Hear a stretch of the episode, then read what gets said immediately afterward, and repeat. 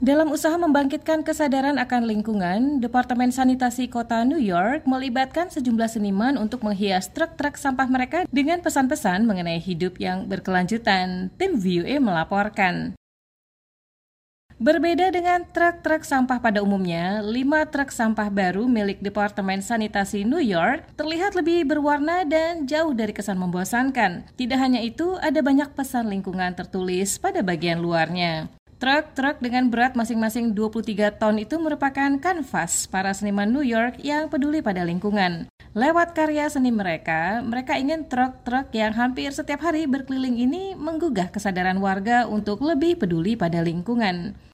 Vincent Granini, juru bicara Departemen Sanitasi New York, menegaskan pentingnya perubahan yang dilakukan. So we're at the New York City Department of Sanitation Central Repair Shop. This building is as long as the Empire State Building is tall. It's a massive facility. This is our paint shop. Kita saat ini berada di bengkel utama Departemen Sanitasi New York. Bangunan ini luas dan panjangnya setara dengan tinggi Empire State Building. Ini adalah fasilitas besar, ini adalah bagian pengecatan. Kami mengundang para seniman dari seluruh penjuru kota ini untuk melukis lima truk pengumpul sampah untuk dijadikan karya seni keliling kota. Truk-truk sampah ini akan beroperasi di lima wilayah yang biasa disebut borough di New York. Pada intinya, menurut Granini, truk-truk itu untuk mengingatkan masyarakat agar rajin membuat kompos, mendaur ulang, dan untuk mengurangi jejak karbon mereka.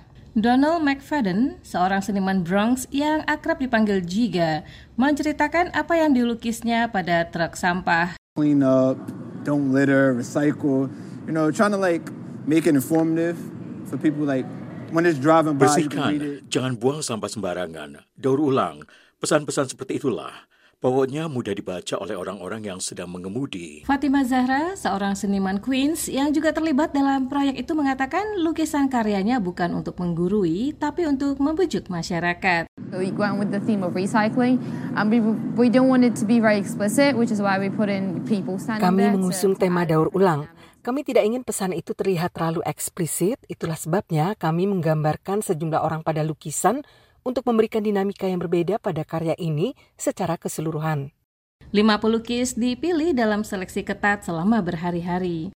Dari setiap borough, kemudian dipilih salah satu seniman yang memang terbukti tinggal di sana tanpa memedulikan asal-muasalnya. Truk sampah Brooklyn contohnya dilukis oleh Yukiko Izumi, seorang desainer grafis dan mural yang lahir dan dibesarkan di Jepang, namun kini menetap di Sunset Park, Brooklyn. Sekian laporan tim VOA, Arif Budiman, Lea Johannes.